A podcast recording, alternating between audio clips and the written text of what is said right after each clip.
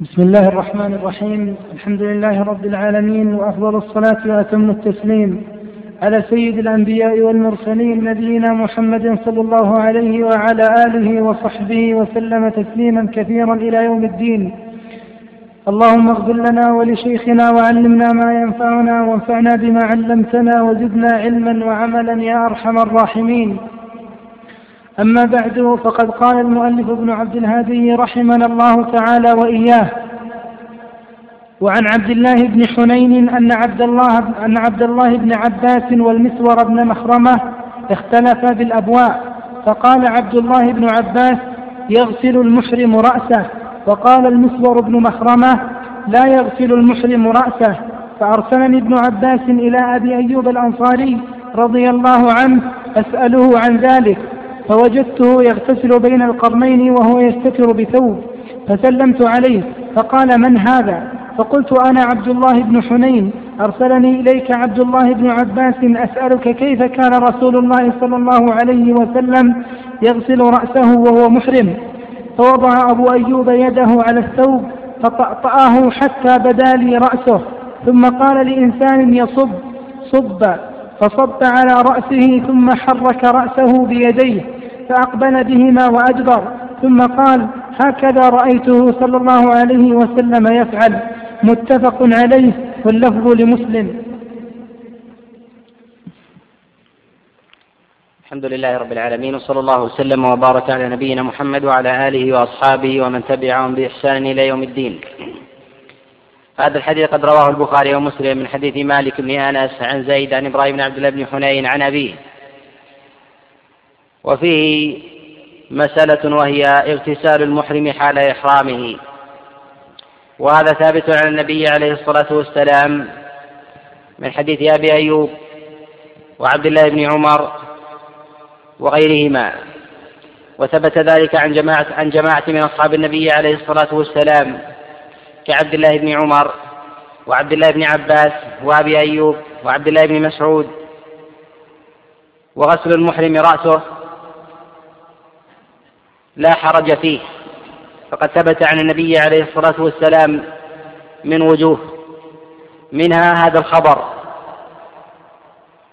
الذي يرويه أبو أيوب عن النبي عليه الصلاة والسلام.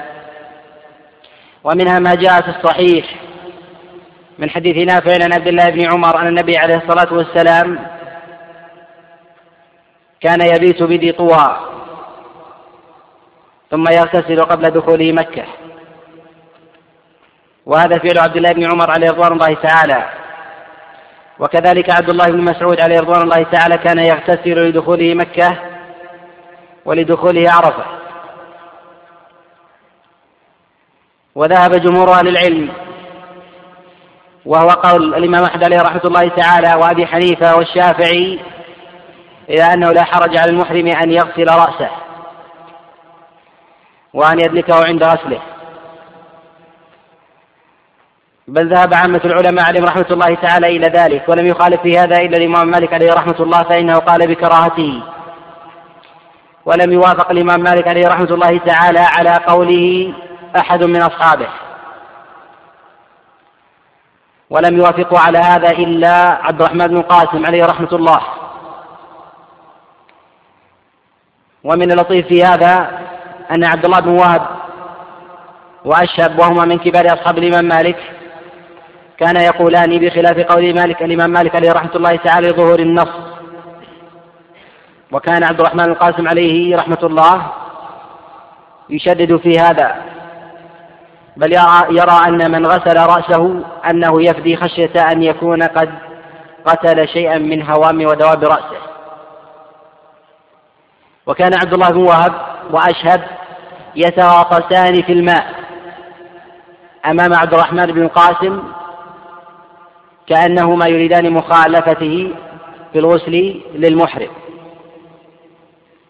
وإذا ظهر النص عن النبي عليه الصلاة والسلام فلا قول لأحد ولا كلام. إذ العبرة والحجة بالوحيين بالكتاب والسنة وما عدا ذلك فهو اجتهاد يجتهده الناس سواء من أصحاب النبي عليه الصلاة والسلام أو من بعدهم من الأئمة. نعم. وعن عبد الله بن معقل قال جلست إلى كعب بن عجرة رضي الله عنه فسألته عن الفدية فقال نزلت في نزلت في خاصة وهي لكم عامة. حملت إلى رسول الله صلى الله عليه وسلم فالقمل يتناثر على وجهي فقال ما كنت أرى الوجع بلغ بك ما أرى أو, أو ما كنت أرى الجهد بلغ بك, بلغ بك ما أرى حتى أتجد شاة؟ فقلت لا. فقال فصم ثلاثة أيام أو, أو, أو أطعم ستة مساكين لكل مسكين نصف صاع متفق عليه وهذا لفظ البخاري. حديث رواه الشيخان من حديث شعبة عن عبد الرحمن عن عبد الله عليه رضوان الله تعالى عن كعب عن النبي عليه الصلاة والسلام. وهذا الحديث حديث فيه مسائل عدة. فيه مسألة الفدية ووقت لزومها والكفارة عنها لمن لم يجدها. وفيه دلالة أيضا على أن العبرة بعموم اللفظ لا بخصوص السبب. وذلك أن الفدية نزلت في كعب عليه رضوان الله تعالى فكانت الأمة عامة. وهذا يدل على بطلان بعض القواعد التي يشير إليها بعض المتكلمين الموصولين وغيرهم من تخصيص بعض الأحكام سواء بالنبي عليه الصلاة والسلام أو بغيره. فثمة قاعدتان بحاجة إلى النظر فيهما حيث أنهما يبطلان كثيرا من الأحكام. القاعدة الأولى ما يطلق عليه الفقهاء بقضية عين لا عموم لها. والقاعدة الثانية خصوصية النبي عليه الصلاة والسلام بعض الأحكام. وينقض هذه القاعدة أن النبي عليه الصلاة والسلام قد أوتي جوامع الكلم وأن خطابه للواحد خطابه للجماعة. فإذا أنزل الله عز وجل في كتابه العظيم مخاطبا أحدا من الناس أو خاطب أنبياءه فإن الخطاب للناس كافة. ولذلك يقول الله عز وجل النبي عليه الصلاة والسلام وما أرسلناك إلا كافة للناس. وقال النبي عليه الصلاة والسلام كما في صحيح البخاري إنما بعثت بجوامع الكلم وهذا محل اتفاق عند أمة الإسلام. وقد ذهب بعض الفقهاء وهذه وهاتين القاعدتين منشأهما من المتكلمين. وهي قاعدة قضية عين لا عموم لها أو خصية النبي عليه الصلاة والسلام ثم جرت على ألسنة بعض الأئمة الفقهاء من أهل السنة وغيرهم. فقضية عين لا عموم لها لا ورد لها في الشرع مطلقا. ومن قال بقضية عين لا عموم لها فإنه يلزمه الدليل. وهذه القاعدة قد أضرت بالسنة والأحكام الشرعية أكثر من نفعها. وخصوصية النبي عليه الصلاة والسلام لا تثبت إلا بدليل. قد بالغ كثير من الفقهاء من الرأي وغيرهم في إجراء كثير من الأحكام وعدم تعميمها سواء سواء كانت قضية عين العموم لا وخصوصية النبي عليه الصلاة والسلام وهذا قول فيه هدم للسنة ورد لكثير من الأحكام بلا بينة ولا حجة ولا برهان.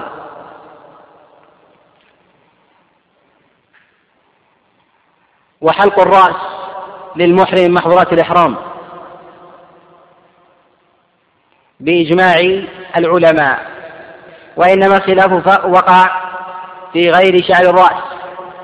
كسائر الجسد. وذهب جمهور العلماء وقال الأئمة الأربعة إلى أنه من محظورة الإحرام. وذهب داود الظاهري إلى أنه ليس من محظورة الإحرام. ورجحه جماعة كالإمام الشقيق عليه رحمة الله تعالى في كتاب أضواء البيان. وهو قول قوي وجيه. وذلك أن النص إنما ورد على شعر الرأس. مع أن سائر الجسد يطرأ عليه من القص والنسف أكثر مما يطرأ على شعر الرأس. ولذلك النبي عليه الصلاة والسلام احتجم وهو محرم. ويلزم من الاحتجام قص الشعر والبشر. ولا أعلم نص عن النبي عليه الصلاة والسلام صريح صحيح في في المنع من أن يقص المحرم بشرته. وأمثل ما جاء في هذا بنهي النبي عليه الصلاة والسلام في من أراد أن يضحي أن يمسك عن شعره وبشره في عشر الحجة. ومن احتج فقاس ولا عبرة بالقياس. يقال للإنسان أن يقص من بشره ما شاء ممن ندى من من أصابعه أو أو رجله أو أن يحتجم وغير ذلك. كل هذا يقال أنه أنه جائز. والفدية عن النبي عليه الصلاة والسلام في من حلق شعر رأسه أنه عليه دم والدم شاة. وهذا ثابت عن عبد الله بن عباس رضي الله تعالى كما في صحيح البخاري وغيره. قوله قال ففدية من صيام أو صدقة أو نسك. قال النسك دم. وهذا ثبت عن عبد الله بن عمر رضي الله تعالى وهذا الذي عليه قول الأئمة الأربعة. وما العبرة بحلقه؟ ذهب بعض الفقهاء إلى أن الحلق إنما يقع على حلق ثلاث شعرات وما زاد وهذا قول الحنابلة مشهور عندهم. وذهب بعض الفقهاء إلى أن العبرة بالحلق هو بعض الرأس ما يطلق عليه البعض سواء الربع أو دونه. وهذا قول للإمام الشافعي عليه رحمة الله. الصواب في هذا أنه يعمم يقال أن حلق الرأس لا يطلق إلا على ما استوعب الإنسان حلقه وما ما يقع فيه الترف. فإذا علم أن المقصد الشرعي من النهي عن حلق الرأس وأنه من محظورات الإحرام هو الترفه. النهي عن المنع من الترفه. فيقال كلما كان نقيضا للترفه فإنه يكون محظورات الإحرام شريطة وجود النص. معنى ذلك أن من حلق ثلاث شعرات لا يقال له قد ترفه. وذلك أن العلة هي عدم الترفه. قد تقدم القول أن الحنابلة في هذا وقع عندهم شيء من الاضطراب وذلك أنهم عند محظورات الإحرام قالوا أن من حلق ثلاث شعرات فإنه يلزمه الفدية. وعند التحلل أن من حلق ثلاث شعرات لم يتحلل بل يلزمه أن يحلق سائر سائر رأسه مع أن النص واحد. والصواب أنه في آه، كلا الموضعين لابد أن يحلق أكثر الرأس وهو ما يحصل ما يحصل به الترفه. ومن لم يجد فدية سواء لعجزه لعجزه البدني أن يذهب لشراء الفدية أو لقلة ذات اليد فإنه يصوم ثلاثة أيام في الحج وسبعة إذا رجع إلى أهله. وهذه وهذا الصيام هو كفارة عن كفارة. ويصوم هذه الأيام يبتدئ فيها في أشهر الحج. وإن غلب على ظنه أنه لا يجد دما في شخص غلب على ظنه أنه يرتكب المحظور كأن يكون شخص قد آذاه رأسه شعر رأسه فيحلقه كل ثلاثة أيام أو أربعة أيام. ويؤذيه أن يخرج وينبت شعر رأسه كأن يكون به مرض. حساس ونحو ذلك فيقال في مثل هذا أو من لم يجد هذه التمتع لا حرج عليه أن يصوم ثلاثة أيام في أول في أول أشهر الحج. وما بقي يصوم إذا رجع إلى أهله. ومتى يكون آخر الصيام هذه الأيام؟ ثبت عن عبد الله بن عمر وعبد الله بن عباس وعبد الله بن مسعود أن آخر هذه الثلاثة أيام يوم عرفة. إذا فيرخص للصائم في الكفارة أن يصوم يوم عرفة بعرفة. وهذا ثابت عن الصحابة عليهم رضوان الله تعالى. والكفارة كما تقدم لا تكون إلا فيما دل عليه الدليل فيما ثبت فيه النص. ومن هذه الدماء دم القرآن والتمتع ودم حلق الرأس ودم الإحصار ودم الصيد. فهذه الدماء قد ثبت عن النبي عليه الصلاة والسلام فيها. وثبت عن أصحاب النبي عليه الصلاة والسلام كعبد الله بن عمر وعبد الله بن عباس وعبد الله بن عمرو بن العاص عليهم الله تعالى الفدية في الجماع. وتقدم قول تفصيل العلماء عليهم رحمة الله تعالى أن جمهور العلماء وقول الإمام مالك والشافعي وأحمد أن الجماع للمحرم يفسد الصوم إذا كان قبل التحلل الأول خلافا لأبي حنيفة فإنه يرى أن من جامع امرأته قبل الوقوف بعرفة فإنه يبطل حجه والجمهور قيدوه بالتحلل الأول برمي الجمرة. فعلى مذهب أبي حنيفة بعد الوقوف بعرفة وقبل الجمرة لا يفسد لا يفسد الحج خلافا خلافا للجمهور. وما بعد ذلك فإنه يلزم الفدية ولكن لا يفسد حجه. وحكي إجماع العلماء عليهم رحمة الله تعالى على أن من جمع في نهاية رمضان من جامع في في إحرامه فإنه يستمر في عمله حتى وإن فسد حجه أي جامع قبل تحلله الأول على قول الجمهور أو قبل الوقوف بعرفة على قول أبي حنيفة. أنه يستمر بالحكي إجماع العلماء عليه رحمة الله تعالى على هذا. ما عدا ذلك ما لم يرد فيه الدليل فإنه لا فدية فيه على الصحيح كما تقدم الكلام عليه. نعم. نعم.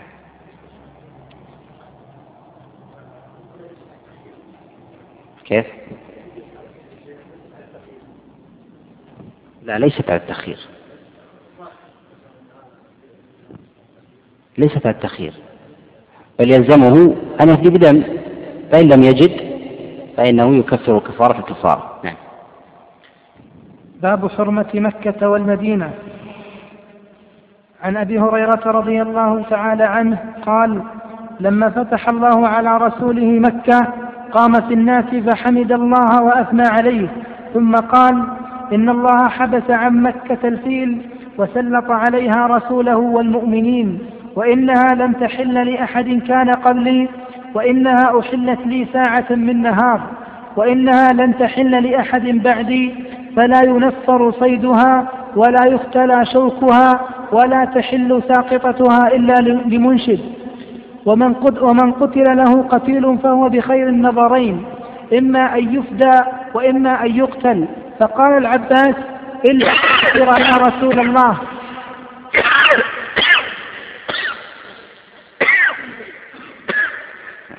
فقال العباس إلا الإذخر يا رسول الله فإنا نجعله في قبورنا وبيوتنا. فقال رسول الله صلى الله عليه وسلم إلا الإذخر. فقام أبو شاه رجل من أهل اليمن فقال اكتبوا لي يا رسول الله. فقال رسول الله صلى الله عليه وسلم اكتبوا لأبي شاه. قال الوليد فقلت للأوزاعي ما قوله اكتبوا لي يا رسول الله؟ قال هي الخطبة التي سمعها من رسول الله صلى الله عليه وسلم.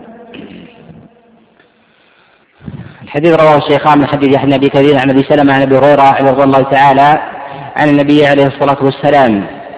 وفيه النص على تحريم مكة وهذا باتفاق باتفاق أهل العلم. ولكن الخلاف انما وقع في حدودها والأشهر أن حدود التحريم بين الجبل بين قعيثعان وجبل أبي قبيس. وعلى اختلاف هل الحديبية أو الحديبية على قول هل هي من الحرم أم لا؟ على قولين. فمنهم ما يدخلها في الحرم الذي يظهر الله أعلم أنها ليست ليست من الحرم. ويحرم على المحرم الصيد حال إحرامه سواء كان في حل أو في حرم والصيد في الحرم يحرم على الناس عامة على المحرم والحال. وعكس وعكس هذه المسألة. فمن كان محرما فإنه يحرم عليه أن يصيد في الحل والحرم. ومن كان في الحرم فإنه يحرم عليه الصيد سواء كان محرما أو حالا. والصيد إنما هو صيد البر متوحش. أما ما هو مربى وأنسي عند الناس فإنه لا حرج من صيده كالحمام المربى والعصافير التي تربى فلا حرج فيها. كذلك ما صيد خارج الحرم وأدخل إلى الحرم فإنه لا حرج لا حرج في ذبحه. كأن يكون رجل قد صاد غزالا ونحو ذلك فلا حرج فيه. كذلك لا يعبد شوك شوكها ويحرم أن يقص الشجر. والشجر في الحرم لا يخلو من نوعين. شجر بري ما ينبت في البر ونبت من غير فعل فاعل فهذا يحرم أن يعبد إلا لحاجة كأن يكون الإنسان يريد أن يبني دارا أو بيتا أو يعبد طريقا أو لطعام البهائم ونحو ذلك فلا حرج فيه. الضرب الثاني ما كان الإنسان سببا في إنباته كما يغرس من الأشجار فهذا لا حرج في التصرف فيه من قص أو قطع أو إفساد. لا كفارة لا كفارة فيه لأنه ليس بنبت بري. وما خارج الحرام فإنه لا حرج فيه. ويرخص في قوله عليه الصلاة والسلام إلا العسر كل ما يحتاجه الناس من الشجر سواء لدوابهم مما ترعاه الدواب أو غير ذلك. وكل ما يحتاجه الإنسان يقاس على يقاس على الإذخر النبي عليه الصلاة والسلام إنما رخص للحاجة. لذلك قال قال العباس يحتاجونه. فكل ما يحتاجه الناس ولا يستغنون عنه فإنه لا حرج لا حرج فيه. ويأتي الكلام على بعض هذه المسائل فيما يأتي. نعم. وعن عبد الله بن زيد بن عاصم أن رسول الله صلى الله عليه وسلم قال إن إبراهيم حرم مكة ودعا لأهلها فإني حرمت المدينة كما حرم إبراهيم مكة. وإني دعوت في صاعها ومدها بمثلي ما دعا به إبراهيم لأهل مكة متفق عليهما واللفظ لمسلم قد اختلف العلماء عليهم رحمة الله تعالى في تحريم في تحريم المدينة هل هي محرمة أم لا؟ ذهب جمهور العلماء وهو قول الإمام أحمد ومالك والشافعي وابن أبي ذئب وابن أبي ليلى إلى أنها حرم وذهب أبو حنيفة عليه رحمة الله تعالى وأهل الرأي إلى أنها ليست ليست بحرم والصواب أنها حرم والنص فيها والنص فيها ظاهر ولذلك حرمها النبي عليه الصلاة والسلام كما حرم إبراهيم مكة. فلا تحل لأحد أن يسفك فيها دم أو ينفر صيدها أو يعضد شوكها. وحرمتها كحرمة مكة. ولذلك شبه النبي عليه الصلاة والسلام بمكة. والتشبيه يقتضي المساواة في جل الوجوه أو أكثرها. وهل في صيد المدينة فدية كما في صيد مكة؟ قد اختلف العلماء عليهم رحمة الله تعالى في هذا. فذهب الإمام الشافعي ومالك إلى أنه ليس فيها فدية ولا كفارة. وذلك أنه لم يدل الدليل على ذلك. وذهب ابن أبي ذئب وابن أبي ليلى وغيرهم إلى أن فيها الفدية. وذلك أن النبي عليه الصلاة والسلام شبه التحريم وتحريم مكة. وفي هذا النظر. وإنما شبه النبي عليه الصلاة والسلام التحريم ما شبه ما يتبع التحريم. فيتقيد بالنص ولا يخرج إلى ما زاد عنه.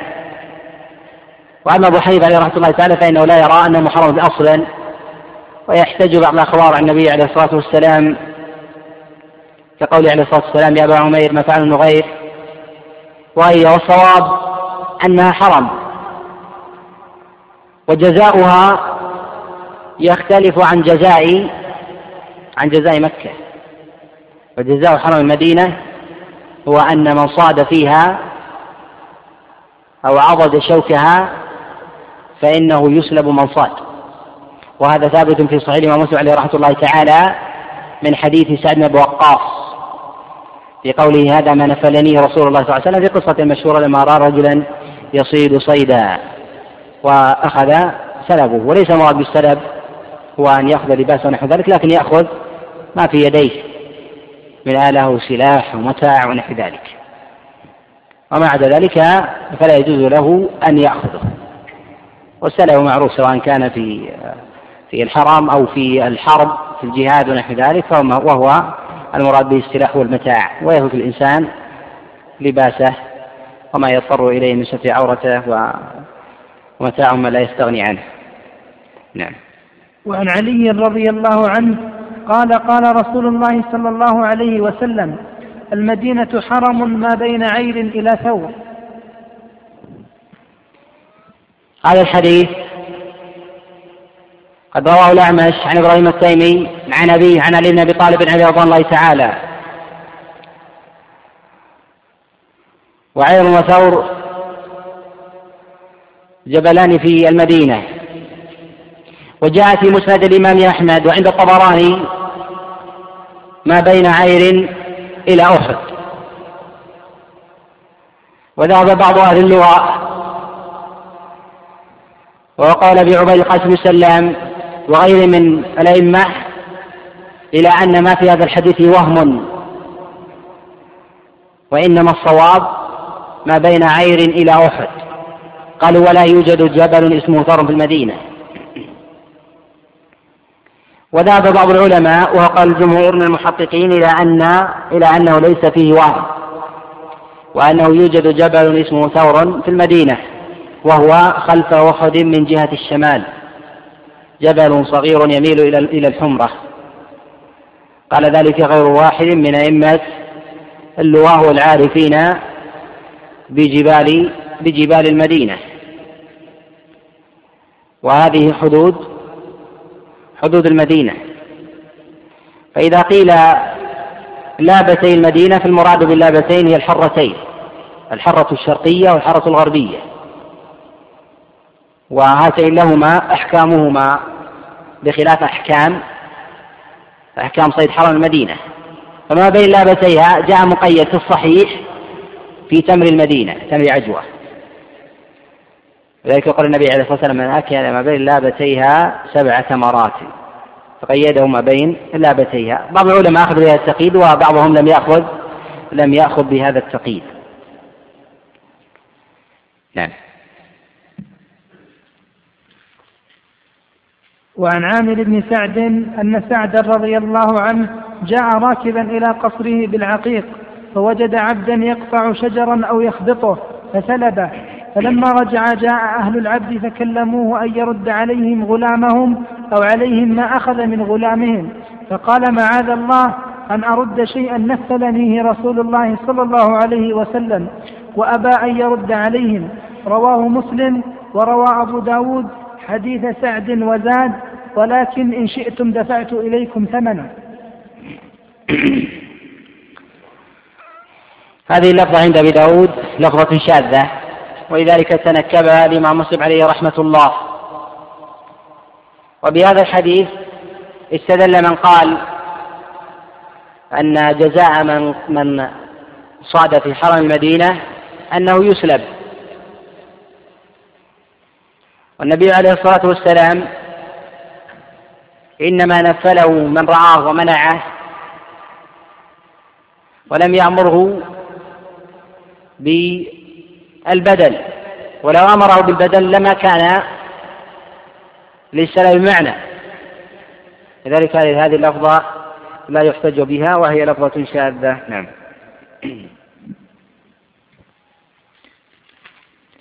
باب صفة الحج. عن جعفر بن محمد عن أبيه قال دخلنا على جابر بن عبد الله رضي الله عنهما فسأل عن القوم حتى انتهى إلي فقلت أنا محمد بن علي بن حسين فأهوى بيدي فأهوى بيده إلى رأسي فنزع زري الأعلى ثم نزع زري الأسفل ثم وضع كفه بين ثديي وأنا يومئذ غلام شاب. فقال مرحبا بك يا ابن أخي سل عما شئت. فسألته وهو أعمى وحضر وقت الصلاة فقام في ساجة ملتحفا بها كلما وضعها على منكبيه رجع طرفاها إليه من صغرها ورداؤه إلى جنبه على المشجب فصلى بنا فقلت أخبرني عن حجة رسول الله صلى الله عليه وسلم فقال بيده فعقد تسعة فقال إن رسول الله صلى الله عليه وسلم مكث تسع سنين لم يحج ثم أذن في الناس في العاشرة أن رسول الله صلى الله عليه وسلم حاج فقدم المدينة بشر كثير. كلهم يلتمس أن يأتم برسول الله صلى الله عليه وسلم ويعمل مثل عمله.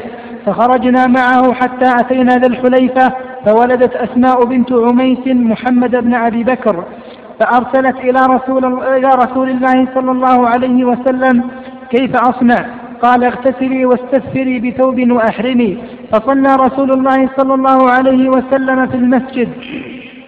ثم ركب القصواء حتى إذا استوت به ناقته على البيداء نظرت إلى مد, إلى مد بصري بين يديه من راكب وماش وعن يمينه مثل ذلك وعن يساره مثل ذلك ومن خلفه مثل ذلك. ورسول الله صلى الله عليه وسلم بين أظهرنا وعليه ينزل القرآن. وهو يعرف تأويله وما عمل به من شيء عملنا به فأهل بالتوحيد. لبيك اللهم لبيك لبيك لا شريك لك لبيك إن الحمد والنعمة لك والملك لا شريك لك. وأهل الناس بهذا الذي يهلون به فلم يرد رسول الله صلى الله عليه وسلم شيئا منه ولد عليهم شيئا منه ولزم رسول الله صلى الله عليه وسلم تلبيته. قال جابر لسنا ننوي إلا الحج. لسنا نعرف العمرة حتى إذا أتينا البيت حتى إذا أتينا البيت معه استلم الركن فرمل ثلاثا ومشى أربعة ثم تقدم إلى مقام إبراهيم عليه السلام فقرأ واتخذوا من مقام إبراهيم مصلى. فجعل المقام بينه وبين البيت فكان أبي يقول ولا أعلمه ذكره إلا عن النبي صلى الله عليه وسلم. كان يقرأ في الركعتين قل هو الله أحد وقل أي قل يا أيها الكافرون ثم رجع إلى الركن فاستلم تقدم الكلام على شيء من المسائل التي وردت في حديث جابر الطويل. وحديث جابر بن عبد الله في صفة حجة النبي عليه الصلاة والسلام. قد رواه الإمام مسلم من حديث حاتم إسماعيل عن جعفر بهذا الإسناد ذكر المصنف. وقد تكلم عليه غير واحد من العلماء كابن المنذر فإنه قد صنف فيه وجمع فوائده كما ذكر ذلك الإمام النووي عليه رحمة الله تعالى في شرحه للصحيح.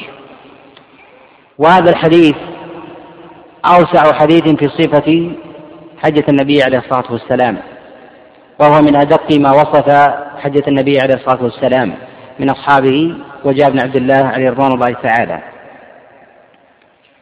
والكلام على مسائله يطول جد جدا وقد تم شرح الحديث سابقا في دورتين والكلام على فوائده ومسائله وما فيها من أحكام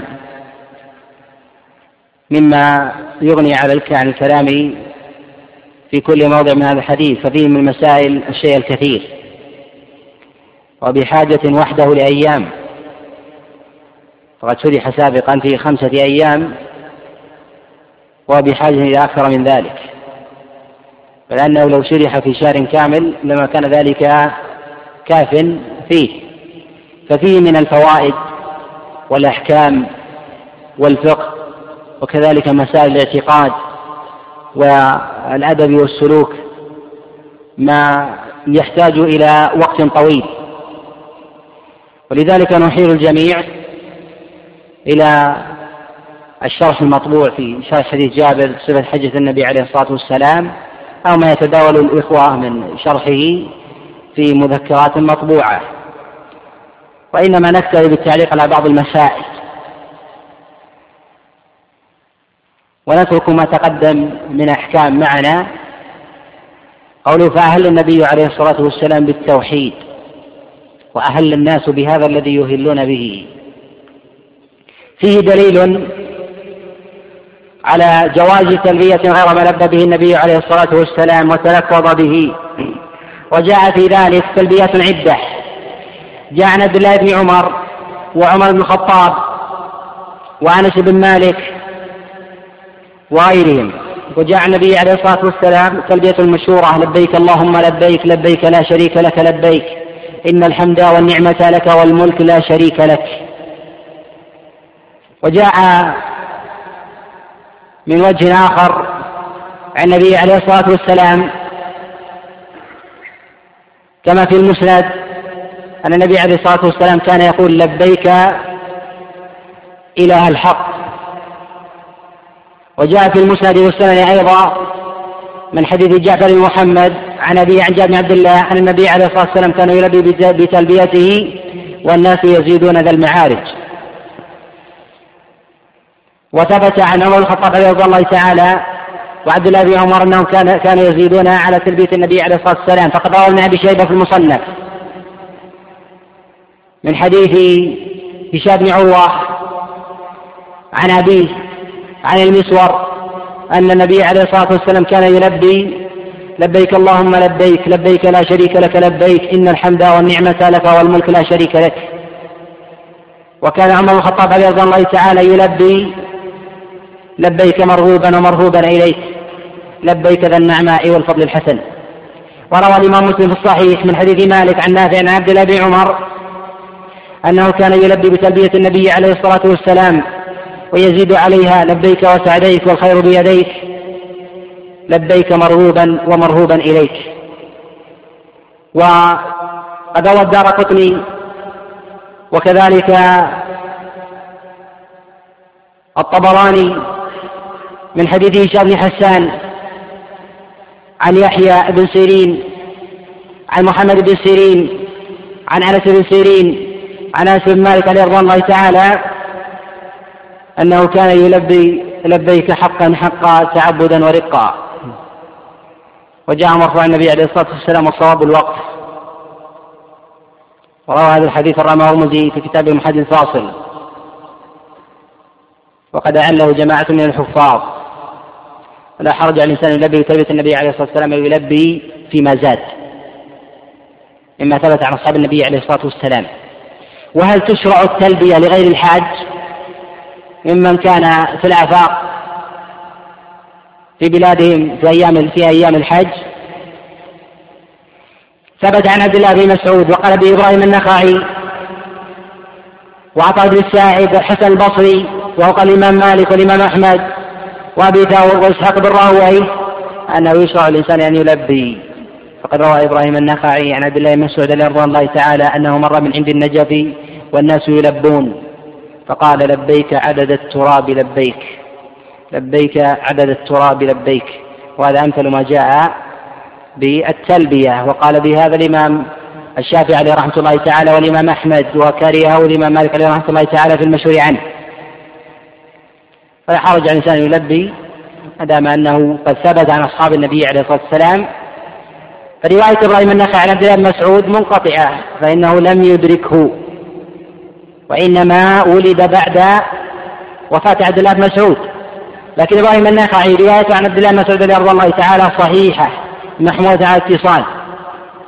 وذلك أنه قال إن حدثتكم عن عبد الله بن مسعود وسميت رجلا فهو عن من سميت وإن حدثتكم عن عبد الله بن مسعود ولم أسمي رجلا فهو عن غير واحد. ورواية إبراهيم عن عبد الله بن مسعود رضي الله تعالى هي من الأحاديث المنقطعة المغتفرة. وثمة روايات يغتفر الحفاظ الانقطاع فيها الظاهر مع أنهم يجمعون على انقطاعها. فرواية إبراهيم عن عبد الله بن مسعود وأبي عبيدة بن عبد الله بن مسعود عن أبيه ورواية طاووس عن معاذ بن جبل ورواية عبد الجبار بن وائل عن أبي وائل بن حجر ورواية طاووس عن معاذ بن جبل ورواية ابن جريج بن أبي نجيح وليد بن أبي سليم عن مجاهد بن جبر في التفسير في التفسير خاصة. ورواية سعيد المسيب عن عمر بن الخطاب رضي الله تعالى كلها من الأحاديث المنقطعة لكنها مختبرة عند الحفاظ بالاتفاق. وذلك لأنهم عملوا القرائن فأمثال هؤلاء ممن يتحرى بالرواية. فطاووس ممن يعتني بفقه معاذ بن جبل وكذلك عبد الجبار بن في روايته عن أبيه. وكذلك إبراهيم النخعي من يتحرى في روايه عبد الله بن مسعود وكذلك أبو عبيدة يروي عن أهله عن عبد الله بن مسعود. وكذلك ابن جريج وابن أبي نجيح وليد بن أبي سليم يروون عن القاسم بن أبي بزة عن مجاهد بن جابر في التفسير. وكذلك سعيد بن مسيب في رواية عن عمر. ولذلك سئل الامام أحمد عليه رحمة الله تعالى كما في رواية أبي طالب قيل سعيد بن مسيب عن عمر صحيح هو قال نعم قال إنه لم يسمع منه قال إذا لم يقبل سعيد عن عمر فمن يقبل؟ وصح ذلك الأئمة الحفاظ عليهم رحمة الله تعالى كيحيى معين وعلي المديني والإمام أحمد والدار قطني والنسائي وغيرهم من الحفاظ. يقال أمثال هذه الروايات تغتفر وإذا فتكون تلبية عبد الله مسعود رضي الله تعالى في غير في غير مكة في غير الحاج لا بأس بها وثابتة. لأن من رواية إبراهيم النخعي عن عبد الله مسعود عليه رضوان الله تعالى. نعم. نعم.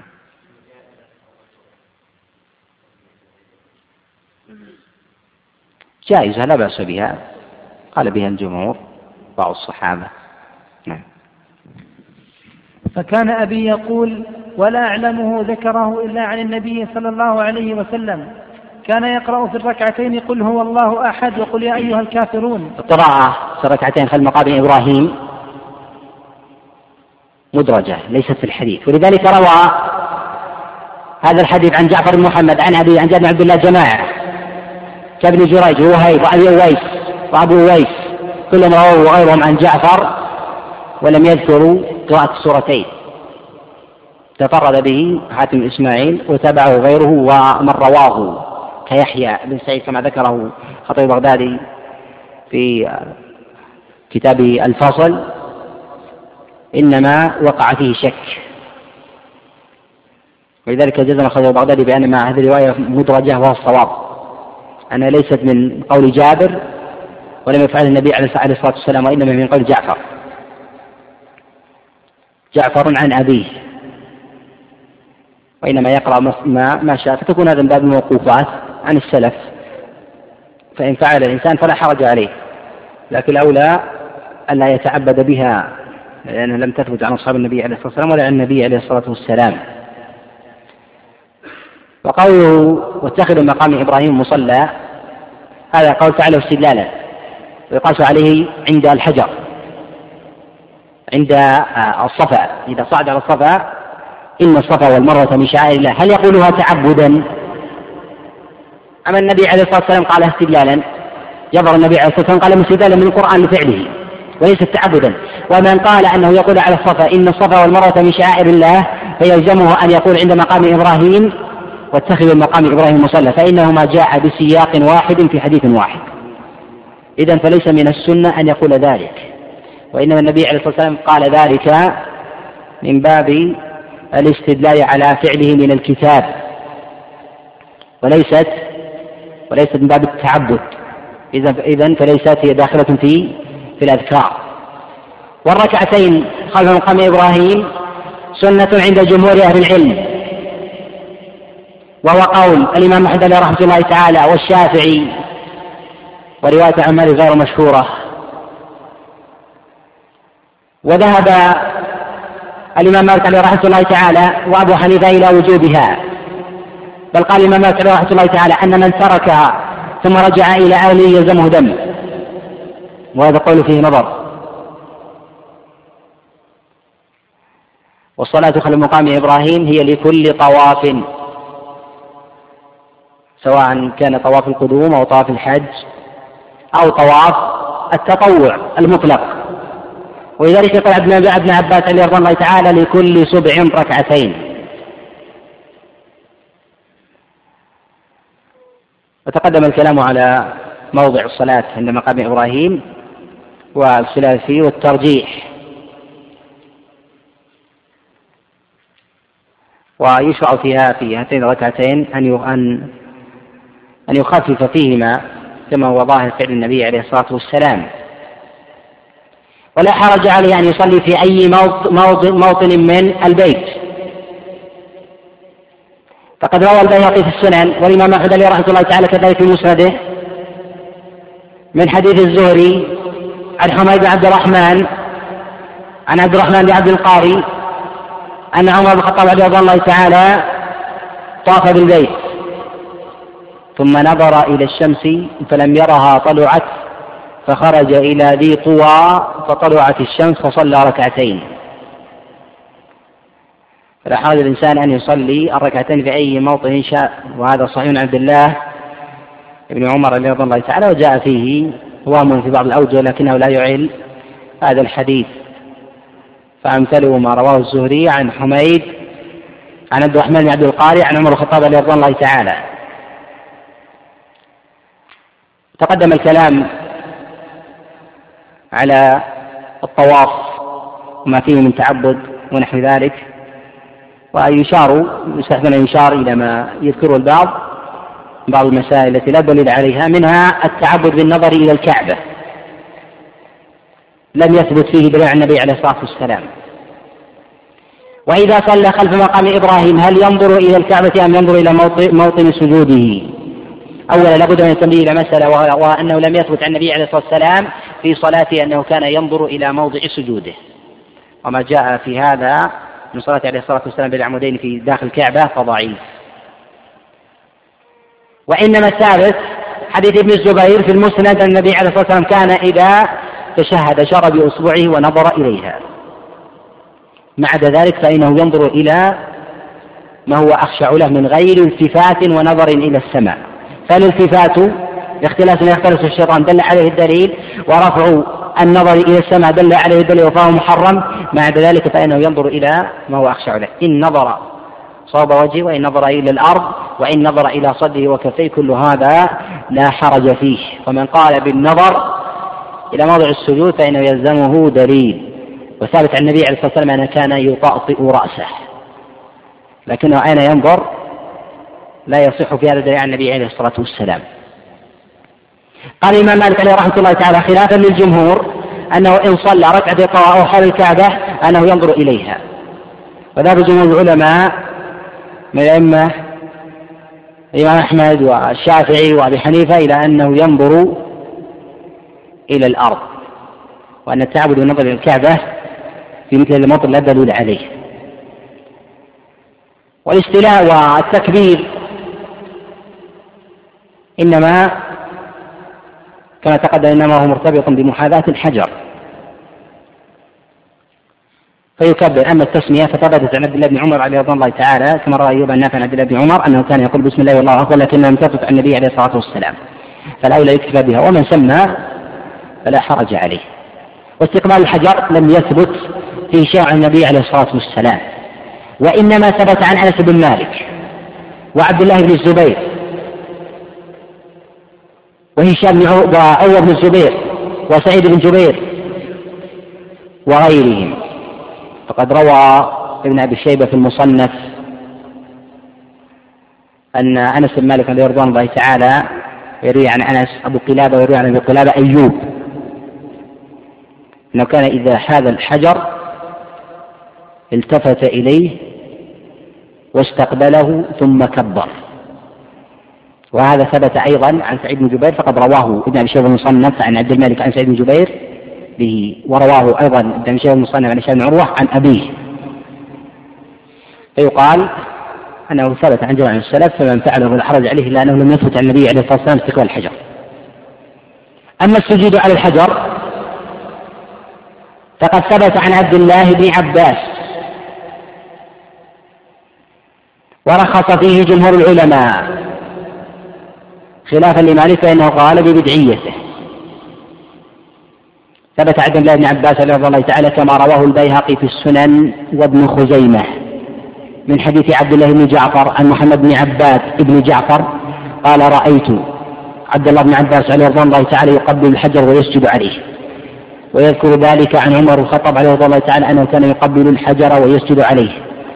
ويذكر ذلك عن النبي عليه الصلاة والسلام أنه كان يقبل الحجر ويسجد عليه ولا يصح رفعه. وصار ما قال عبد الله بن مسعود عبد الله بن عباس عليه رضي الله تعالى كما رواه البيهقي من حديث مجاهد عن أبي جعفر عبد الله بن عباس. وراه العقيلي في كتاب الضعفاء من حديث محمد من حديث عبد الله بن جعفر عن محمد بن جعفر عن عبد الله ابن عباس رضي الله تعالى. وقد روي عن جماعة من السلف ورخص فيه الجمهور خلافا للإمام مالك عليه رحمة الله تعالى إذا فلا حرج. أن يسجد عليه وهو السجود هنا هو أن يضع جبهته عليه. أما الملتزم وهو ما بين الركن والباب وقيل أنه أوسع من ذلك لكن الأشهر أنه الركن والباب فلم يثبت فيه عن النبي عليه الصلاة والسلام شيء ولا عن الصحابة. وما جاء في هذا فكله ضعيف. فقد روى أبو داود والبيهقي من حديث مسلم بن الصباح عن أبي شعيب عن أبي عن جده النبي عليه الصلاة والسلام في الملتزم وهو منكر لأن في مسلم بن الصباح وهو متروك. وكذلك قد روى ابن أبي شيبة رواه أبو داود والبيهقي وكذلك ابن أبي شيبة المصنف من حديث يزيد بن أبي زياد. ويزيد ضعيف الحديث باتفاق الحفاظ. وجاء في هذا بعض الموقوفات عن بعض أصحاب النبي عليه الصلاة والسلام لا يصح منها شيء. بل الثابت عن الصحابه عليهم الله تعالى أنهم لم يكونوا يلتزمون شيئا من البيت إلا الركن. وهذا ثابت عن عبد الله بن عمر كما رواه مالك والبيهقي. من حديث نافع عن عبد الله بن عمر أنه لم يكن يلتزم شيئا من البيت إلا الركن. لكن قد روى ابن أبي شيبة في المصنف من حديث سليمان عن منصور عن مجاهد قال كانوا يلتزمون ما بين الركن والباب. ومجاهد كما لا يخفى من التابعين لكنه قد يكون يريد بهذا الصحابة وقد يكون يريد بهذا كبار التابعين. يقال لا حرج الالتزام. أما التعلق بأسرار الكعبة فالذي يظهر لي والله أعلم أن التعلق بأسرار الكعبة أظهر دليلا من الملتزم. وذلك أن الحديث الواردة كلها ضعيفة. وذلك لما تعلق ابن خطل بأستار الكعبة وأمر النبي عليه الصلاة والسلام بقتله جاءوا النبي عليه الصلاة والسلام فقالوا إنه متعلق بأستار الكعبة. يريدون بهذا أنه في موطن التجأ به التجاء مثله يخشى على من يتجرأ عليه. فقال النبي عليه الصلاة والسلام اقتلوه. وكان وقرهم على على فهمهم هذا. فالتعلق بأسفل الكعبة ما هو جائز لكن الإنسان الأولى أن لا يفعل إلا ما دل عليه دليل الظاهر. فالتعلق بأسفل الكعبة يظهر الله أعلم أنه أوضح وأظهر دليلا من الملتزم. ويشرع كما تقدم أن أن يذكر الله عز وجل ويهلل كبره ولا حرج عليه أن يقرأ القرآن. قال الإمام مالك رحمة الله تعالى بكراهية قراءة القرآن في الطواف. بل قال بدعيته. بل قال به يرى قراءة القرآن في الطواف إلا عطاء بالسائب وكأنه يريد أنه ليس عليه عمل المسلمين. وفي هذا الإطلاق نظر فإنه قد ثبت عن إبراهيم النخعي أنه قال به وثبت كذلك عن الشافعي في قوله القديم بخلاف قوله الجديد فإنه قال فإنه قال بعدم القراءة. إذا فالذي يظهر الله أعلم أن عمل الناس ليس على القراءة. فالإنسان يحوج إلى الدعاء في مثل هذا الموطن. يقال يكون الدعاء أولى من قراءة القرآن لكن لو قرأ القرآن لا يقال بأنه بدعة. لأن هذا المكان موطن للتعبد فيتعبد بما شاء. ولا ولا حرج عليه. ولا حرج عليه أن يطوف في البيت. في أي وقت من ساعة أو ليل النهار سواء كان وقت نهي أو غيره. والطواف على الصحيح لا تشترط له طهارة.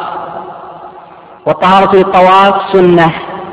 فقد ثبت في البخاري من حديث عائشة رضي الله تعالى النبي عليه الصلاة والسلام طاف وهو على طهارة. فالطهارة للطواف متفق عليه لكن اختلفوا في الوجوب. فذهب جميع علمائه وجوب واستدلوا بما رواه عطاء بن السائب عن طاووس عن عبد الله بن عباس رضي الله تعالى النبي عليه الصلاة والسلام قال اعطاه البيت الصلاة. قالوا فإذا كان صلاة فيشترط له الطهارة.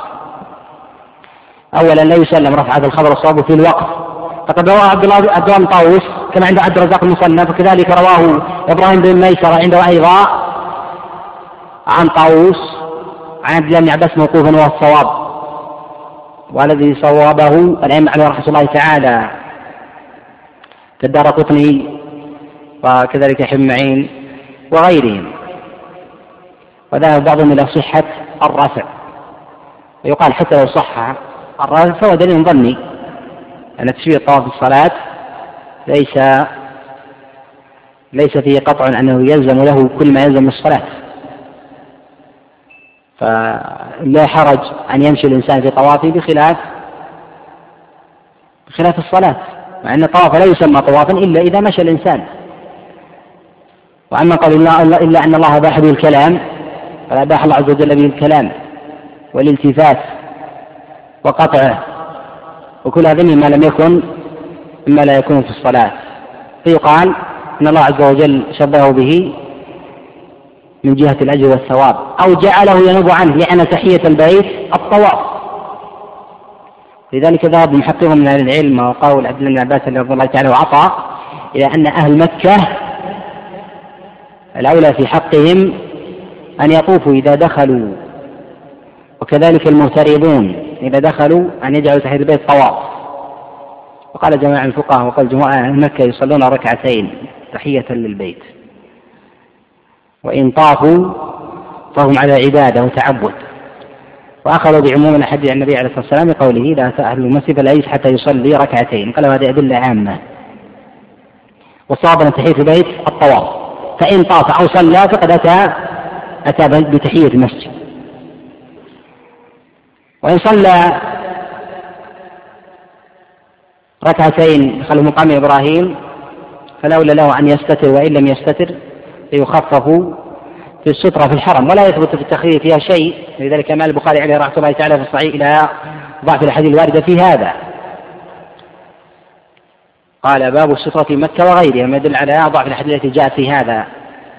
الحديث التي جاءت في هذا منها ما رواه الإمام أحمد عليه رحمة الله تعالى من حديث كثير بن كثير في مطلب وداعة عن أبيه عن جده عن النبي عليه الصلاة والسلام أنه كان يصلي في المطاف والرجال والنساء يمرون بين يديه لا يسر منه شيء. وهذا الحديث منكر. لم يروي إلا كثير عن أبيه. لذلك الصواب أنه لم يروي عن أبيه ولم يسمعه منه كما قال ذلك الإمام أحد عليه رحمة الله تعالى.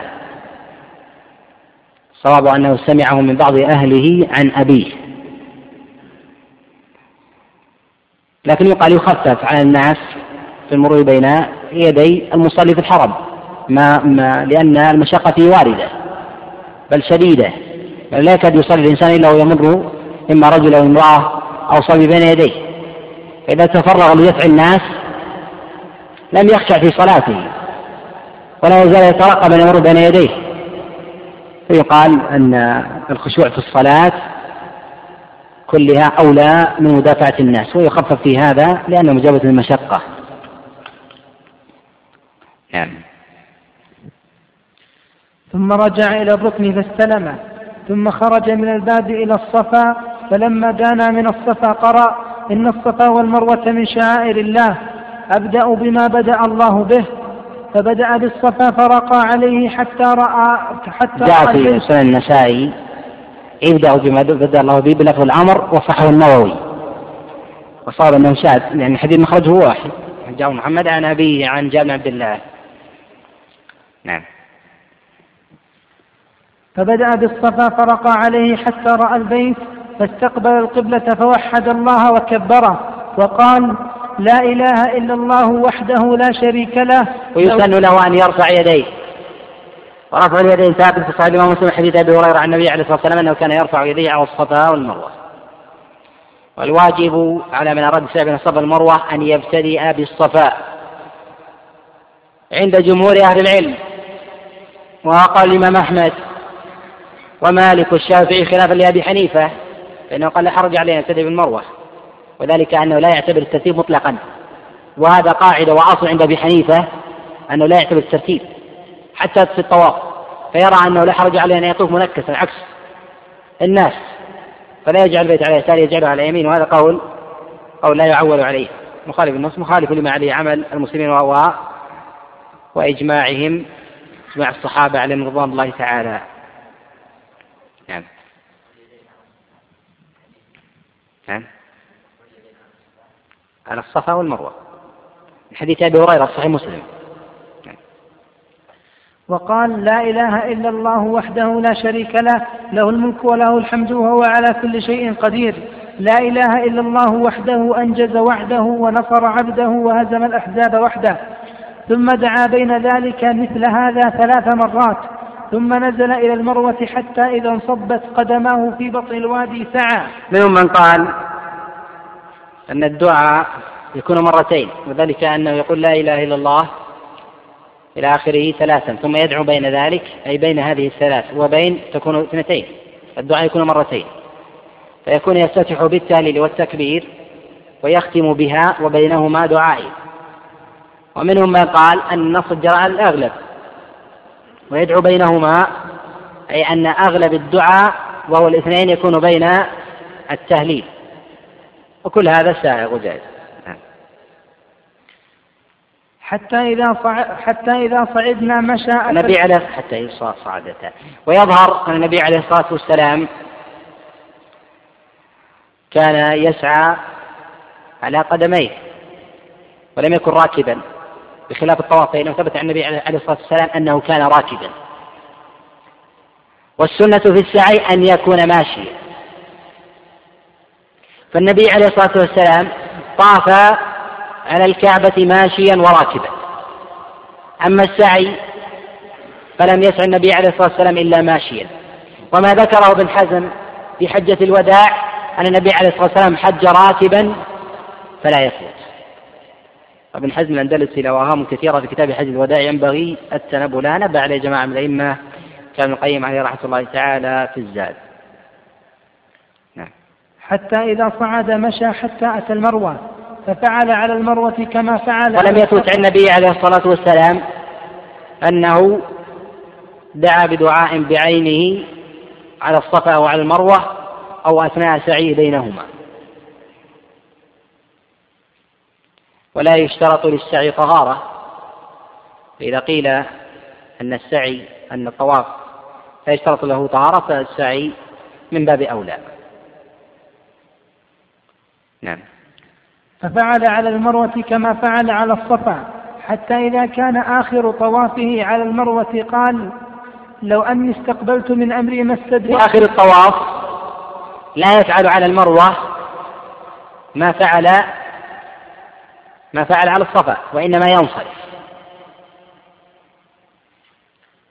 ومن نظر إلى سياقة حجة النبي عليه الصلاة والسلام وجد أنه عليه الصلاة والسلام في كل خاتمة لا يفعل ما يفعله في الابتداء سواء كان في الطواف أو في رمي الجمار أو في السعي. خلافا لمن يقول بأنه يفعله في الخاتمة كذلك. فالنبي عليه الصلاة والسلام في آخر طوافه لم يثبت عنه أنه كبر. وما جاء فهو خبر ضعيف. وفي آخر رمي آخر جمرة لم يثبت عن النبي عليه الصلاة والسلام أنه دعا. وفي نهاية وقوفه على المروة في آخر سعيه لم يثبت عنه عليه الصلاة والسلام أنه دعا كذلك.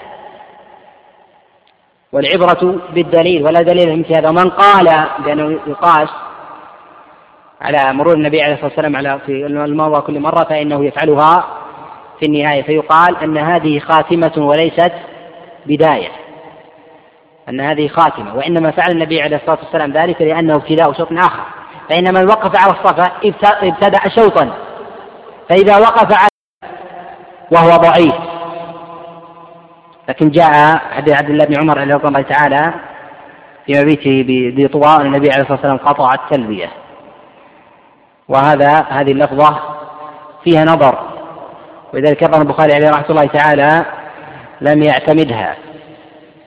وقد جاء النبي عليه الصلاة والسلام أيضا من حديث عبد الله بن عباس أن النبي عليه الصلاة والسلام أخذ يلبي حتى استلم الحجر. قد كان قد كان معتمرا. أما إذا كان محرما بإفراد أو قران فإنه لا يقطع التلبية حتى يرمي جمرة العقبة. وقد اختلف العلماء عليه رحمة الله تعالى متى يقطع التلبية إذا كان إذا كان إذا كان حاجا بإفراد أو قارنا.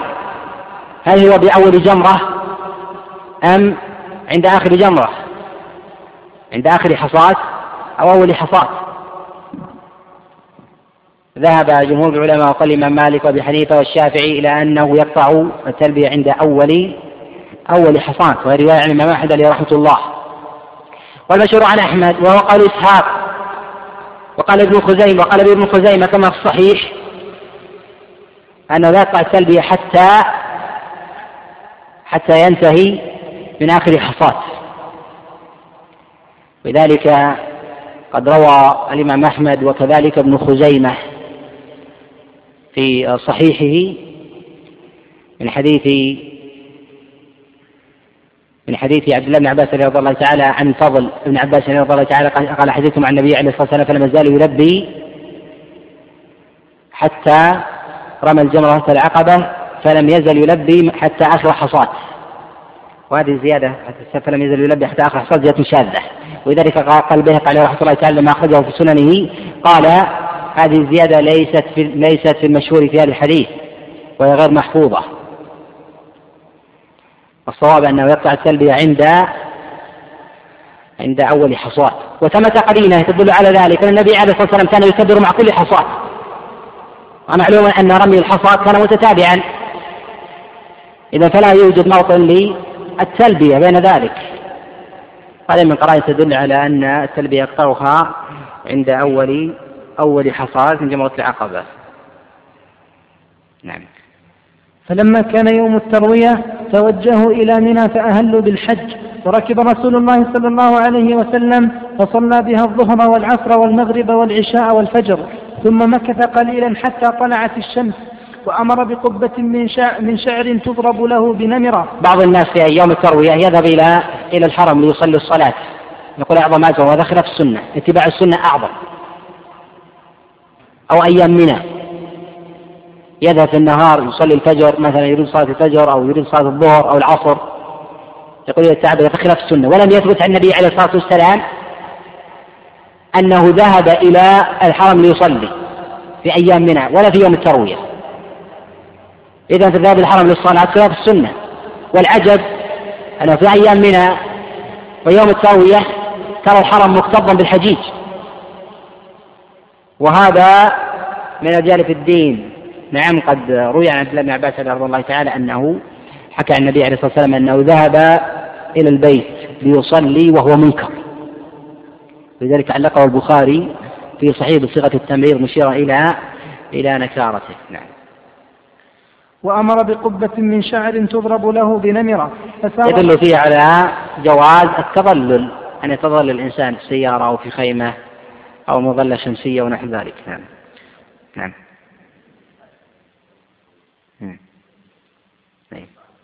يشرع الاغتسال عند كل إحرام. من قالوا من قالوا بمشروعية الاغتسال في المواقيت أرادوا للإحرام. لم يريدوا به غيره. ولذلك من قال أنه يحرم من داره قال مشروعية الإحرام في داره. والعجيب أن بعض المتأخرين من أهل الجمود على الظاهر قالوا أن النبي عليه الصلاة والسلام إنما علق الأمر بذات المكان بذات البقعة. ولذلك النبي عليه الصلاة والسلام قال صل في هذا الوادي المبارك. فقوله المبارك قرينة على ارتباط هذا المكان. وهذا القول لا أعلم من قال به من الأئمة الأوائل لا من الصحابة ولا من التابعين ولا من أتباعهم ولا قول أحد من الأئمة الأربعة. ولا من بعدهم من الأئمة الكبار. وإنما هو قول قول محدث. بل يلزم من هذا القول أن يقول أن الاغتسال والصلاة إنما هي خاصة في هذه البقعة. فلا يشرع الإنسان أن يصلي ولا أن يغتسل في غيره من المواقيت. لا في قلب المنازل ولا في الجحرة ولا في لملم ولا في ذات عرق وغيرها. هذا قول لا يعول عليه. فسار رسول الله صلى الله عليه وسلم ولا تشك قريش إلا, إلا أنه واقف عند المشعر الحرام. وذلك أنهم في الجاهلية لا يخرجون عن الحرم وآخر حدود الحرم هو المشعر الحرام. وظن النبي عليه الصلاة والسلام سيأخذ بالفعل مع النبي عليه الصلاة والسلام قبل هجرته حج بل قبل البعثة حج ووقف في عرفة مع العرب. وكانت قريش وحدها تقف في حدود الحرم ويقولون نحن الحمص والحمص الذين شددوا على أنفسهم تعبدا لله فقالوا نحن أهل حرم الله فلا نخرج من الحرم. أما سائل عرفة يقفون يوم عرفة في عرفة. ولذلك ظن ظنت قريش أن النبي عليه الصلاة والسلام سيقف عند المشعر الحرام وهو مزدلفة. ولكن تجاوز النبي عليه الصلاة والسلام لأنهم قد غيروا مناسك الله عز وجل التي وضعها وبدلوا فيها فعاد النبي عليه الصلاة والسلام على ما كانت عليه في ملة الخليل إبراهيم عليه السلام. وذلك النبي عليه الصلاة والسلام قبل حجته بعث أبو بكر عليه الله تعالى أن ينادي في الناس أن لا يحج بعد هذا العام المشرك ولا يطوف بيت عريان حتى لا يختلط مناسك مناسكه عليه الصلاة والسلام ومناسك هؤلاء الكفار. لأنه سيبدل ما كانوا عليه مما بدلوه من الحنيفية. ولذلك النبي عليه الصلاة والسلام أجل حجته لهذه المصلحة العظمى. وقال عليه الصلاة والسلام خذوا عني مناسككم. نعم. ولا تشك قريش إلا أنه واقف عند المشعر الحرام كما كانت قريش تصنع في الجاهلية. فأجاز رسول الله صلى الله عليه وسلم حتى أتى عرفة فوجد القبة قد ضربت له بنمرة فنزل بها. حتى إذا زاغت الشمس أمر بالقسواء فرحلت له فأتى بطن الوادي فخطب الناس وقال إن دماءكم وأموالكم وإن إن دماءكم وأموالكم حرام عليكم كحرمة يومكم هذا في شهركم هذا في بلدكم هذا. ألا كل شيء من أمر الجاهلية تحت قدمي موضوع ودماء الجاهلية موضوعة. وإن أول دم أضع من دمائنا دم ابن ربيعة بن الحارث كان مسترضعا في بني سعد فقتلته هذيل. وربا الجاهلية موضوع وإن أول ربا أضع ربانا ربا عباس بن عبد المطلب فإنه موضوع كله فاتقوا الله في النساء فإنكم أخذتموهن بأمان الله واستحللتم فروجهن بكلمة الله ولكم عليهن ألا ألا يطئن ألا يوطئن فرشكم أحدا تكرهونه فإن فعلن ذلك فاضربوهن ضربا غير مبرح ولهن عليكم رزقهن وكسوتهن بالمعروف فقد تركت فيكم ما لن تضلوا بعده. إن اعتصمتم به كتاب الله وأنتم تسألون وأنتم تسألون عني فما أنتم قائلون؟ قالوا نشهد أنك قد بلغت وأديت ونصحت. فقال بإصبعه السبابة يرفعها إلى السماء وينكبها إلى الناس. اللهم اشهد اللهم اشهد ثلاث مرات. ثم أذن ثم أقام فصلى الظهر ثم أقام فصلى العصر. ولم يصل بينهما شيئا. ثم ركب رسول الله صلى الله عليه وسلم حتى أتى الموقف فجعل بطن ناقته القصواء إلى الصخرات وجعل جبل المشاة بين يديه واستقبل القبلة. فلم يزل واقفا حتى غربت الشمس وذهبت الصفرة قليلا حتى غاب القرص. وأردف أسامة خلفه ودفع رسول الله صلى الله عليه وسلم. وقد شنق للقصواء الزمام حتى إن رأسها ليصيب مورك رحله ويقول بيده اليمنى أيها الناس السكينة السكينة. وكلما أتى جبلا من الجبال أرخى لها قليلا حتى تصعد حتى أتى المزدلفة. ثم حتى أتى المزدلفة صلى بها المغرب والعشاء بأذان واحد وإقامتين. ولم يسبح بينهما شيئا. ثم اضطجع رسول الله صلى الله عليه وسلم حتى طلع الفجر. وصلى الفجر حين تبين له الصبح بأذان وإقامة ثم ركب القصواء حتى أتى المشعر الحرام فاستقبل القبلة فدعاه وكبره وهلله ووحده فلم يزل واقفا حتى أسفر جدا. فدفع قبل أن تطلع الشمس وأردف الفضل بن عباس وكان رجلا حسن الشعر أبيض وسيما فلما دفع رسول الله صلى الله عليه وسلم مرت به ضعن يجرين فطفق الفضل ينظر إليهن فوضع رسول الله صلى الله عليه وسلم يده على وجه الفضل تحول الفضل إلى الشق الآخر ينظر تحول رسول الله صلى الله عليه وسلم يده من الشق الآخر على وجه الفضل يصرف وجهه من الشق الآخر ينظر. حتى أتى بطن حتى أتى بطن محسر فحرك قليلا ثم سلك الطريق الوسطى التي تخرج على الجمرة الكبرى. حتى أتى الجمرة التي عند الشجرة فرماها بسبع حصيات يكبر مع كل حصاة منها مثل حصى الخذ رمى من بطن الوادي ثم انصرف إلى المنحر فنحر ثلاثا وستين بدنة بيده ثم أعطى عليا رضي الله عنه فنحر ما غبر. وأشركه في هديه ثم أمر من كل بدنة ببضعة فجعلت في قدر فطبخت فأكلا من لحمها وشربا من مرقها. ثم ركب رسول الله صلى الله عليه وسلم فأفاض إلى البيت فصلى بمكة الظهر فأتى بني عبد المطلب يسقون على زمزم فقال انزعوا بني عبد المطلب فلولا أن يغلبكم الناس فلولا أن يغلبكم الناس على سقايتكم لنزعت معكم. فناولوه دلوا فشرب منه. رواه مسلم. هذه المسائل في الحديث تأتي متفرقة في الحديث الآتية. وهذا الحديث فيه مجمل ومجموع ما فعله النبي عليه الصلاة والسلام في أيام الحج. ويأتي تفصيلها. لا نريد أن أن نستعجل بذكر سائر الأحكام. في هذا الحديث. وما بقي من أحكام فإنه يريد المصنف عليه رحمة الله تعالى في أحد مستقلة ويأتي الكلام عليها بإذن الله تعالى.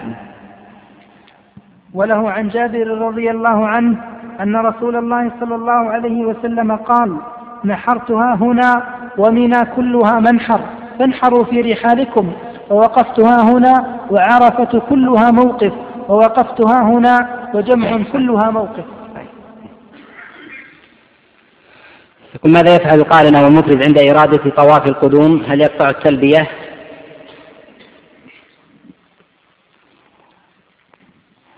نعم يقطع التلبية. يقطع التلبية عند إرادة عند إرادة الطواف وهذا الذي عليه جماهير أهل العلم. فمن لبى فلا حرج عليه لكن خلاف السنة. يقول إذا قلنا بدخول المسعى في المسجد بعد انفصاله فهل يجوز للحائض أن تسعى أو تدخل المسعى؟ يقال إذا قلنا بدخول المسجد فله أحكام المسجد. له أحكام المسجد من كل وجه. نعم.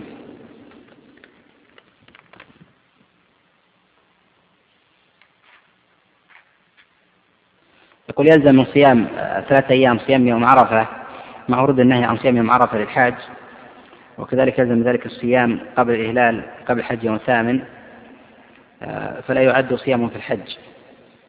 لا يلزم أن يكون حال إحرامه الصيام صيام الكفارة لا يلزم لمن لم يجد هذه أن يكون صيام حال إحرامه. صيام يوم عرفة للحاج من لم يجد الهدي أو لا يجد الفدية لا حرج عليه. وقد ثابت ثبت عن جماعة من الصحابة كعبد بن عمر بن العباس وغيرهم عليه الله تعالى كما تقدم. وقد ثبت عن بعض أصحاب النبي عليه الصلاة والسلام أنه صامه إلا أن السنة إذا لم يكن في كفارة فإنه لا يصومه وإنما السنة صيامه في غير في غير الإحرام. يقول لا يقال أن فدية حق الرأس هي على التأخير كما ذكر النبي عليه الصلاة والسلام في صوم ثلاثة أيام أو أطعم ستة مساكين أريد توجيه الحديث. آه هذه الفدية التي آه في هذا الحديث على التأخير لا يفهم من كلامنا السابق. كلام السابق على الدم هل هو مخير بين الدم دم الفدية دم, آه دم الحلق ويسمى الفدية أو الصيام وما يليه من إطعام هذا ليس على التأخير بل يلزمه دم. فإن لم يجد ولذلك النبي عليه الصلاة والسلام قال تجد هل تجد دما؟ قال لا. هذا ليس على الترتيب.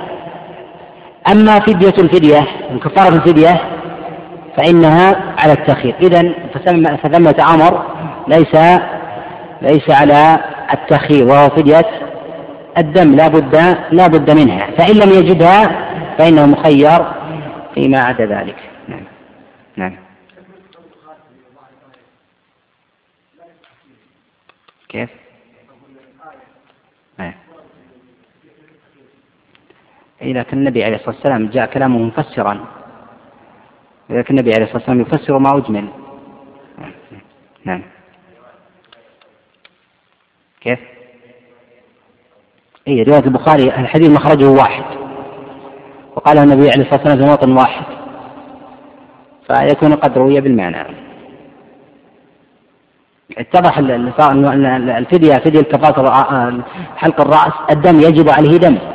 لكنه ليس مخير في أن يصوم. إن لم يجد فإنه مخير فيما عدا ذلك صيام ثلاثة أيام أو إطعام كيف؟ أي خاصة في الشعر.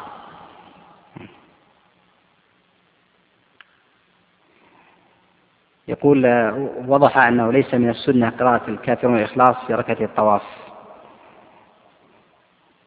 تقدم الكلام أنه فيه شك في الصحيح. وقد رواه عن جعفر محمد جماعة كابن جريج و أبي أويس ووهيب وغيرهم رووا عن جابر محمد ولم يذكروا هذه اللفظة يدل على إدراجها ولذلك الشك في الصحيح علامة على ذلك. يقول قول إن الصفا والمروة على الصفا ليس من السنة. من قال واقتدى أو قلد ولا يملك هذه الآلة النظر فإنه لا حرج عليه ويجر على هذا إن شاء الله المسألة فيها ساعة. لكن من قال هذا بأن هذه سنة أن يقرأ هذه الآية فيلزمه أن يقول بقوله واتخذ مقام إبراهيم مصلى لأنه جاء تحريم واحد سياق واحد. فيلزم أن يقول هذه كما قال تلك والذي يظهر في النبي عليه الصلاة والسلام أنه فعل ذلك استدلالا لا تعبدا. يقول ما الدليل على أن العلة في حلق الشعر هو النهي في حلق الشعر هو الترفه. قوله سبحانه وتعالى ثم ليقضوا تفتهم وليوفوا نذورهم. يقضوا التفت يعني الشعر. لذلك ثبت عن عبد الله بن عباس رضي الله تعالى أنه قال التفت الشعر والأظفار يقول هل الدابة ونحوها كالسيارة تكون من السلب لمن صادف المدينة؟ يظهر ظاهر النص أنه من السلب من يقلب لها الاستمارة؟ نظام ما يسمح كنا نرجو أن أن تنتهي هذه الدورة قبل تاريخ واحد 12 لأن هناك دورات أخرى. نسأل الله أن ييسر لأن المجال طويل. بإذن الله تعالى نحاول. يقول ذكرت أن قاعدة قاعدة عين لا عموم لها لم ترد في الشرع. فكيف توجه تجويز النبي عليه الصلاة والسلام أن يذبح شاة دون دون السن الواجب. وقال له لا تجزي عن عن غيرك. هذا الكلام لا ورود له على ما ذكر. وذلك أنه لا هذه القاعدة لا ورود لها في الأحكام الشرعية التي شرعها النبي عليه الصلاة والسلام. ليس أحد أن يقول هذا خاص. وأما قول النبي عليه الصلاة والسلام لا تجزي عن أحد بعدك دليل على بطلان هذه القاعدة. وإلا لو كانت خاصة لو كانت القاعدة عامة لأحد أن ينظر القرائن ويقول هذا خاص بهذا الشخص لما قيد النبي عليه الصلاة والسلام يقول بقوله ولا تجزي عن أحد بعدك ما يدل على بطلانها وأن الأصل عموم عموم اللفظ. وهذا الحديث دليل دليل على القول الذي قلته ليس على ما كتبه الأخ. يقول هل تمر الوارد في الحديث خاص بالعجوة أم يعم جميع تمر المدينة. الذي يظهر الله أعلم خاص بالعجوة لأن جاب مقيد وجاء في بعض الألفاظ أيضا في الصحيح ما بين لابتيها. يقول هل يمسك عن قص شعره وظفره من أراد أن يضحي الميت؟ هذا يتكلم عليه. يقول نقل إبراهيم النخعي أنه قال دعوت عند الملتزم فوجدت الإجابة كفرق الصبح كذلك مشايخي فهل هو يؤيد ما ورد من أن الدعاء عنده مستجاب. لا يقال بهذا لأن العبرة بالوحي المسألة ليست مسألة استجابة العبرة بالدليل كتاب السنة. نحن نتعبد فالله عز وجل قريب من عباده يجيب الداعية إذا دعاه. في أي موطن كان فكيف إذا كان عند البيت؟ لكن نحن نتكلم على الملتزم. أن يلتزم سواء بتسبيح أو تهليل أو تحميد. أو لا يتكلم. هل هو عبادة؟ ذات الدعاء لا نتطرق إليه. ذات الدعاء لا نتطرق. الإنسان أن يدعو حول البيت أن يتعلق بأسفار الكعبة ونحو ذلك الملتزم له صفته وهيئته. نعم. شيخ قول النبي صلى الله عليه وسلم أربعين ثانية من التحرم عليه. هذه خاصة بسالم أم عامة؟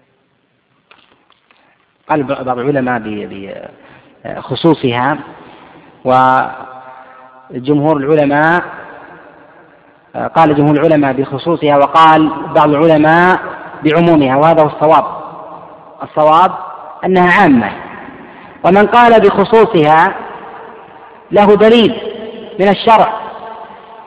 وذلك أن أن أن أزواج النبي عليه الصلاة والسلام لم يفعلن مع حاجتهن إلى ذلك. ولذلك أنكرنا هذا الفعل كما في القصة في الصحيح. وهذه الكلام لا ورد له على القاعدة التي ذكرت.